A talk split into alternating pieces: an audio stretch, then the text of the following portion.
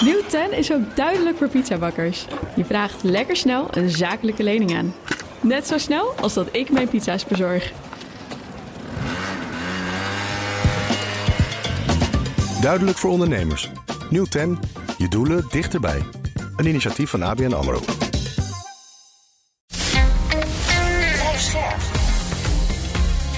BNR Nieuwsradio.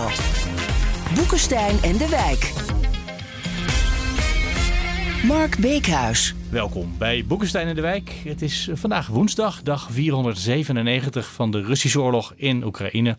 Met Arend Jan en met Rob. Uh, Rob, wil jij weer beginnen aftrappen met een rondje langs het front? Ja, nou ja, daar valt niet zoveel over te melden. Uh, in, in drie, vier sectoren wordt uh, hard gevochten. Bakmoed, uh, de grens tussen Donetsk uh, en de Zaporizhia oblasten en natuurlijk in het westen van de Zaporizhia oblast. Maar eigenlijk gebeurt er niet zo gek veel hoor op dit, dit, ogenblik. Dus er zijn, ja... er wordt continu gezegd, we hebben hier wat vierkante kilometers veroverd. Nou, dat is natuurlijk hartstikke mooi, maar op het grote geheel is niet zoveel. En Arend Jan, jij had er ook wat over gehoord, hè? Ja, um, uh, over de uh, Tony Radakin. Het is wel interessant. Er is, uh, in Engeland heb je dus die defensiecommissies met die hearingen. Dat gaat dan heel hard. En dan zit dus de chief uh, defensiestaffer Tony Radakin zit er dan. En dan wordt hij behoorlijk stevig ondervraagd door Kamerleden. In Nederland mm. hebben we dat eigenlijk niet. Hè? In Engeland gaat nee. dat op een hele andere manier. en die Radakin die, was, die zei een aantal heldere dingen waarbij hij eigenlijk zei dat de Oekraïne wat sterker ervoor staat dan Rusland. Hè? Hij zegt dus van Rusland is nu zo zwak dat het niet kracht heeft voor zijn eigen tegenoffensief. Dus het initiatief ligt bij Oekraïne. Hij zei ook van Rusland heeft nu bijna de helft van zijn combat effectiveness, dus zeg maar zijn, zijn slagvaardigheid, uh, verloren. Moet je je voorstellen, ze hebben dus 10 miljard granaten afgeschoten vorig jaar. Maar dat Miljard? kan maar, sorry, 10, 10 miljoen granaten afgeschoten vorig jaar. Het is al genoeg, lijkt me te Jan. Ja. En het kan maar 1 miljoen uh, granaten per jaar produceren. Het heeft 2500 tanks verspeeld en het kan er maar 200 per jaar produceren. Hè? Nou, dat betekent dus wel een beetje dat, uh, dat de tijd een beetje aan de Oekraïnse kant komt. Waarom? Met name om, vanwege de, de derde argument ook, dat hij vindt dus dat die... Uh, die, die, die, die probing attacks die uh, Oekraïne doet. Hè, dus dat betekent dus je, maakt, uh, je dwingt daarmee uh, de Russen hun front te verdunnen. Omdat je het steeds overal doet, moeten die soldaten moeten dan dus soms ook hergroeperen. Hè. je put ze uit, het is uitputtingen, attritie. en, je, en je probeert zo, zo effectief mogelijk zoveel mogelijk Russen te doden. En hij vindt dat dat eigenlijk best aardig gaat. En dat je niet kan verwachten dat dat heel snel grote resultaten oplevert. Hè? Dus met andere woorden, hij vindt eigenlijk dat het initiatief een beetje bij Oekraïne is komen te liggen en dat het met de Russen niet zo goed gaat. Ja, ik weet niet of het zo is. Ik, uh, ik, kan me herinneren dat een, nou, wanneer was het? September vorig jaar zat ik in, uh, bij een diner uh, bij Radican. Hartstikke goede vent uh, overigens. Maar toen was hij ook al zo optimistisch. Daar is ook weinig van terechtgekomen. Dus um, ja, nee, het zal wel. als ik gewoon kijk wat er op dit ogenblik gebeurt, dan gaat het lastig. Hij heeft absoluut gelijk als hij zegt dat die tactiek aan het veranderen is. En dus ook denk ik wat hij doet, is een keurige omschrijving geven van die tactiek. Maar het probleem zit hem echt, jongens, in die, al die obstakels uh, die zijn opgeworpen, die fortificaties, die mijnenvelden, soms tot 30 kilometer diep. Ja, dan moet je doorheen zien te vechten. Ja, en dan is inderdaad de tactiek om het te doen om zoveel mogelijk uh, kapot te, maken en zoveel mogelijk uh, Russen te doden. Maar dan nog is het heel lastig, omdat ik had echt een uur geleden ook weer met wat mensen aan de video. en die zeiden ook van, het is echt heel erg lastig. En de Russen die vechten op dit ogenblik redelijk uh, competent. Ze zijn bezig om een uh, doctrine goed um, uit te voeren. Eigenlijk zien we op dit ogenblik dat Oekraïne al gebruik heeft gemaakt van de zwaktes van Rusland. Ja, en dat betekent eigenlijk dat ze niet heel veel meer kunnen doen dan wat ze op dit ogenblik doen. En dat gaat heel erg traag. Dat wil helemaal niet zeggen hoor uh, dat ze er niet doorheen kunnen komen. Maar dat blijft natuurlijk gewoon beuken op die verdediging. En hopelijk kom je ergens een keer doorheen. En ja, als dat gebeurt, Dan zal je zien eh, dat er successen kunnen worden uh, geboekt. Maar je moet er eerst wel doorheen zien te komen. Kijk, en die, Radakin die erkent ook hoor. Dus dat is, er zijn ongelooflijk veel mijnen. Dat is veel stronger dan verwacht, zegt hij. Hè? Nou, ja. Oekraïners hebben natuurlijk geen luchtsteun. Dat hebben ze niet. Klopt. Hè? En ze hebben ook niet alle militaire equipment die ze hadden gewenst. Hè? Nou, we hebben het natuurlijk over die long range dingen. Ja, die E-Tackers, maar die krijgen ze toch niet, net zoals F-16's. Ja. Dus dat is een heel groot probleem. Die F-16 komen er, komen er ook niet op korte termijn aan. Hè, ja. Rob Bauer, een van de hoogste militairen binnen de, binnen NAVO, uh, dat is uh, een Nederlander overigens, die heeft dat ook gezegd van die F-16's komen er niet snel. Hooguit in het najaar, maar dan zullen ze geen rol spelen in dit offensief dat op dit ogenblik aan uh, de orde is. Is het denkbaar op? Gewoon, gewoon een scenario, ik mm. weet het niet hè dat dus de, de Oekraïners proberen, ze vallen aan. Maar ze, mm -hmm. ze, hebben dus zonder luchtsteun hebben ze erg veel slachtoffers. Ze proberen toch die slachtoffers te beperken.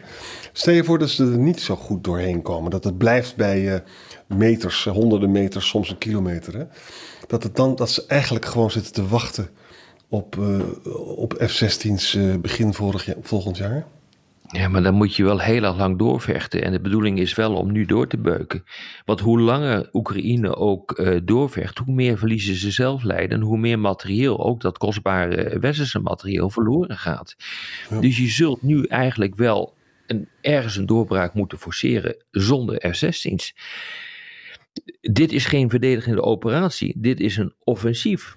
Uh, dat succes moet opleveren. En in een je kunt hooguit een, een defensieve operatie uitvoeren uh, in de hoop dat F-16's en meer wapensystemen aankomen. Ja, en die berekeningen van uh, die, die kloppen volgens mij wel. Maar dan moet je daar ook de berekeningen tegenover zetten ten aanzien van het Westen. We hebben er meerdere malen hebben erop gewezen dat bijvoorbeeld de Europese Unie een miljoen granaten, 155 mm onder andere, heeft toegezegd. En die zou dan voor het eind van het jaar dan moeten zijn. Lukt niet, omdat de defensie-industriële basis niet op orde is. Dat geldt ook voor Rusland, maar dat geldt ook voor het Westen. Dus het is heel erg lastig om hier conclusies uh, uit te trekken. Vooral optimistische conclusies. Ja. Ja, en Arend Jan die sprak dus met, uh, of die las of hoorde van die Redikin. En jij zei, ja. ik heb met een paar mensen gesproken, uh, Rob. Wat voor soort ja. mensen waren dat? Vast ook hele hoge ja, militairen, maar misschien niet Britten? Generaals, ex, er zat er inderdaad ook een Brit, uh, Britse een generaal Brit, bij. Maar minder optimistisch ja, dan Redikin zelf.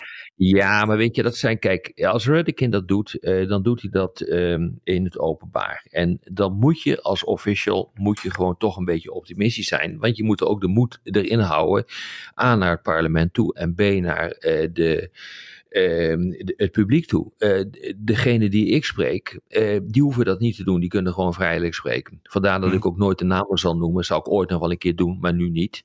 Uh, die, die, die, die kunnen veel vrijer uh, praten. Dat kan ik ook uh, doen. En uh, ik, ja, je kan niet altijd alles zeggen wat je weet. Jij mag ons de put inpraten, maar zo'n generaal niet. Ja, nou, zo'n generaal in een officiële functie, die kan ons niet nee. de put in praten. Want dan heeft het direct politieke consequenties.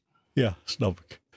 Uh, en bijvoorbeeld, uh, de Russen mogen dat ook, want die zeggen: we gaan aangevallen worden. Uh, Oekra het leger uit Oekraïne is echt bezig met een uh, grote operatie. Ja, onder andere tegen de, tegen de, de Zaporizhia kerncentrale. Nou, daar ga je al.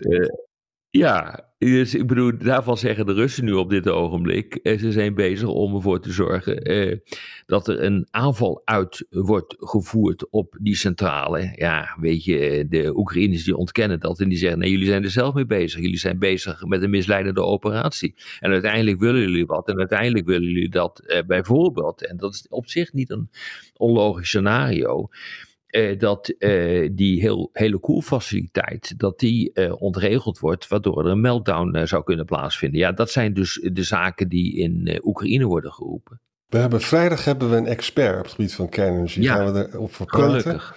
En maar nog één, één tipje van de sluier. Gelukkig is het zo dat die kernreactors die staan dus uit. Hè?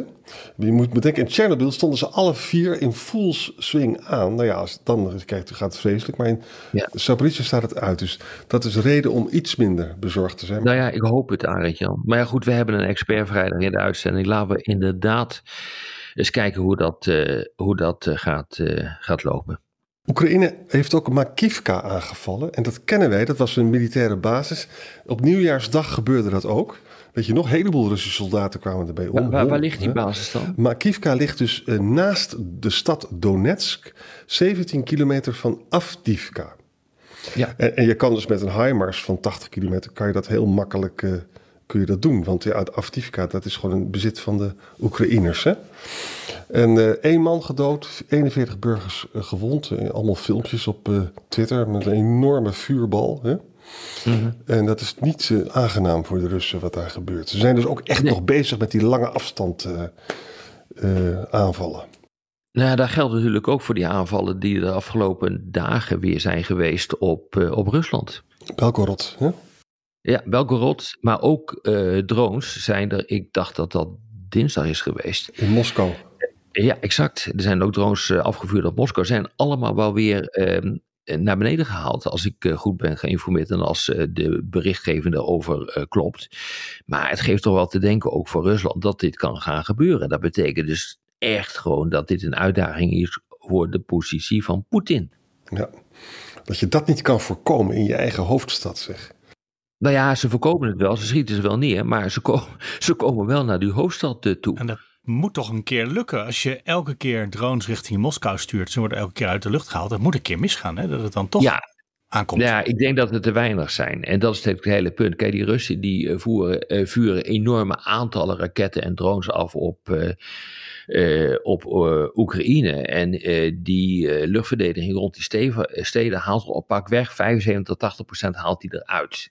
En die Russen gaan gewoon door, mede om ervoor te zorgen dat er uiteindelijk toch van, die, van die wapens doorheen komen. Maar ik heb het gevoel dat er te weinig worden afgevuurd op, op Moskou om datzelfde spel te kunnen doen. Bovendien ligt Moskou wel erg ver weg hoor. Het is veel, een veel, veel makkelijker doelwit is vlak over de grens. Dan praat je over Belgorod.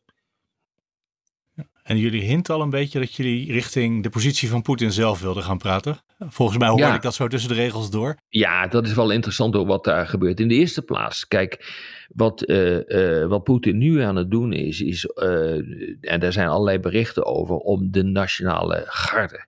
die is belangrijk voor de binnenlandse veiligheid te versterken. er worden eenheden, speciale eenheden. van een, een agentschap voor het controleren van drugs. Uh, die worden nu uh, opnieuw ingezet in de Nationale Garde. Uh, want het blijkt dus dat die Nationale Garde gewoon slecht is uitgerust. Terwijl dat dus een heel erg belangrijke eenheid is voor de binnenlandse veiligheid. Nou, wat je vervolgens ziet, is dat die Poetin ik, ja, het is eigenlijk wel kostelijk om, uh, om te zien wat er allemaal gebeurt. Doe me een beetje denken aan de situatie rond Fidel Castro en, en, en Saddam Hussein en dat soort types. Die waren natuurlijk ook helemaal hysterisch als het ging over hun eigen veiligheid. En terecht, want ze werden continu werden ze, uh, belaagd. Maar je ziet dus nu uh, dat, dat continu die veiligheid van Poetin wordt, wordt opgeschroefd. hij, heeft, hij schijnt nu meerdere residenties te hebben die er allemaal hetzelfde uitzien. Dus plekken waar die kan vergaderen, die zien er allemaal hetzelfde uit. Dus dan weet je niet precies waar die is en kan die ook niet worden opgeblazen. De groep vertrouwelingen wordt steeds uh, kleiner. Mensen moeten, ondanks dat COVID zo'n beetje voorbij is, weer in quarantaine. Om ervoor te zorgen ja, dat ze niks op uh, deze man overbrengen. Er komt een zogenaamde clean zone rond de president waarin eigenlijk alleen maar de meest vertrouwde officials mogen komen. Uh, ja, de vertrouwelingen worden vooral gerecruiteerd nu uit de geuniformeerde troepen. Uh, en ze worden bewapend. Het eten wordt getest. Daarvoor is een biologisch veiligheidscentrum uh, ingericht. Nou ja, ga zo maar door, jongens. Dit is toch niet oké hoor, wat hier gebeurt. We hebben Poetin gezien in Dagestan een paar dagen geleden. Waar hij ook een vrouw begon te kussen en een kind, weet je nog? Het was ja. de eerste keer dat ik dacht van verdorie, dit, dit is hem gewoon. Dit is een lookalike. en, ik heb dat nooit... Zou, dat, zou zomaar wordt kunnen. Gezegd, ja. Dat, Dat wordt gezegd, ja. Ik weet niet of het zo is. Ja. Maar het is de nou niet tweede- echt een uh, aaibare man. Dus ik vond het ook Nee. een hele vreemde, hele vreemde toestand. Ja. En, Want dat doe ik natuurlijk Nee. al. Nee, dat weet je Nou, niet. Nee? nee, Oh, sorry. dat kan je nog heel lang volhouden hoor, op die manier. Maar goed, het feit dat hij er enorm bedreigd eh, voelt en dat hij ook voorproevers moet hebben en zo. Het doet me ook wel een beetje denken aan de middeleeuwen hoor, dit soort dingen. Maar ja, goed, dan word je toch echt wel bedreigd. Ja. Maar weet je, met je Rob, wat ik interessant vind, is die nationale garde. Dat is heel belangrijk. Hè? Die moet Ja. namelijk ook Poetin beschermen. En we hebben er altijd over gesproken. We hebben ook gezegd, hij heeft dus onge- hij heeft echt wel 340.000 man die op hem passen en zo. Nou, wat blijkt nu? Nu blijkt zo te zijn dat die nationale garde heeft gewoon te weinig wapens. En die heeft Ja. gewoon te weinig tanks. Hè? Ja. Dat betekent dus dat die, zeg maar, die betonrot van de krijgsmacht, die, die, die speelt dus ook hier een rol. Dat lijkt Ja. me toch wel ongelooflijk prestigeverlies eigenlijk. En de tweede opmerking is dat de wapens van de Donbass, die worden dus nog dunner, omdat die nationale garde voor nationale veiligheid ook wapens moet hebben. Dus het is niet goed voor de Russische eh, inzet in, in de Donbass, zou ik willen zeggen. Ja, dat denk ik dus ook. Het, het, het, is een, het is inderdaad een rot systeem. Maar dat wisten we natuurlijk eigenlijk al een hele tijd. Dat weten we eigenlijk al eh, van, van, vanaf de oorlog met Georgië. Toen er een enorm moderniseringsprogramma in 2008, na, ja, eigenlijk rond 2010 is gestart. Ja. Die heeft toch niet opgeleverd wat het zou moeten opleveren. Precies. Oké, in dat rotte systeem ook af en toe onverwachte wendingen. Zoals bijvoorbeeld rond eh, meneer Prigozhin. Ja, dat is, dat is wel interessant. Hè? Een hele media-empire van Prigozhin. Dat wordt nu ontmanteld. Hè? Hij krijgt wel, wordt wel geld wat ze daarbij te pakken genomen hebben. Dus aan Prigozhin teruggegeven. Maar zijn, zijn Patriot Group, dat zich bezig met buitenlandse verkiezingen. Ook die Internet Research Agency, weet je nog, met de Trump-verkiezingen. Met die trollenfabriek, dat wordt allemaal ontmanteld nu. Of althans overgenomen door Kremlin. Hij had ook een cateringbedrijf, Concord, voor het leger. Daar kreeg hij 2 miljard per jaar voor. Voedsel voor de, voor de krijgsmacht. En dat wordt nu onteigend. Ja, en verder, Ja. eh, Lavrov Maar, zegt maar, overal... maar, even Ja. over de onteigening, eh, jongens. Ik, het is toch wel curieus wat er gebeurt hoor. Ik bedoel, er is dus ongeveer voor 110 miljard euro equivalent daarvan in cash is er ingenomen. Vijf staven goud. Ja.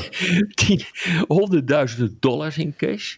Tja, En die, en die schijnt hij dus gewoon weer terug te hebben gekregen. Ja, Ja. Ik, het is ook, en dit was alleen nog maar eh, trouwens wat er in Sint-Petersburg lag. Ja. Ja, ik, het is curieus hoor, wat hier aan de hand is. en Lavrov heeft gezegd van... eh, nee, we blijven in Afrika hoor. Met die, alleen het is geen Wagnergroep meer. En hij probeert dus... Het geld dus van, van de Centraal-Afrikaanse Republiek... gaat ook over 1 miljard per jaar. Hè, met al die mijnactiviteiten. Dat zou dan dus nu naar de Kremlin moeten gaan. Dat geeft dus Prigozhin ook een geweldig motief, jongens... om terug te gaan knokken of wat dan ook. Hij raakt alles kwijt nu, hè? ook zijn inkomsten.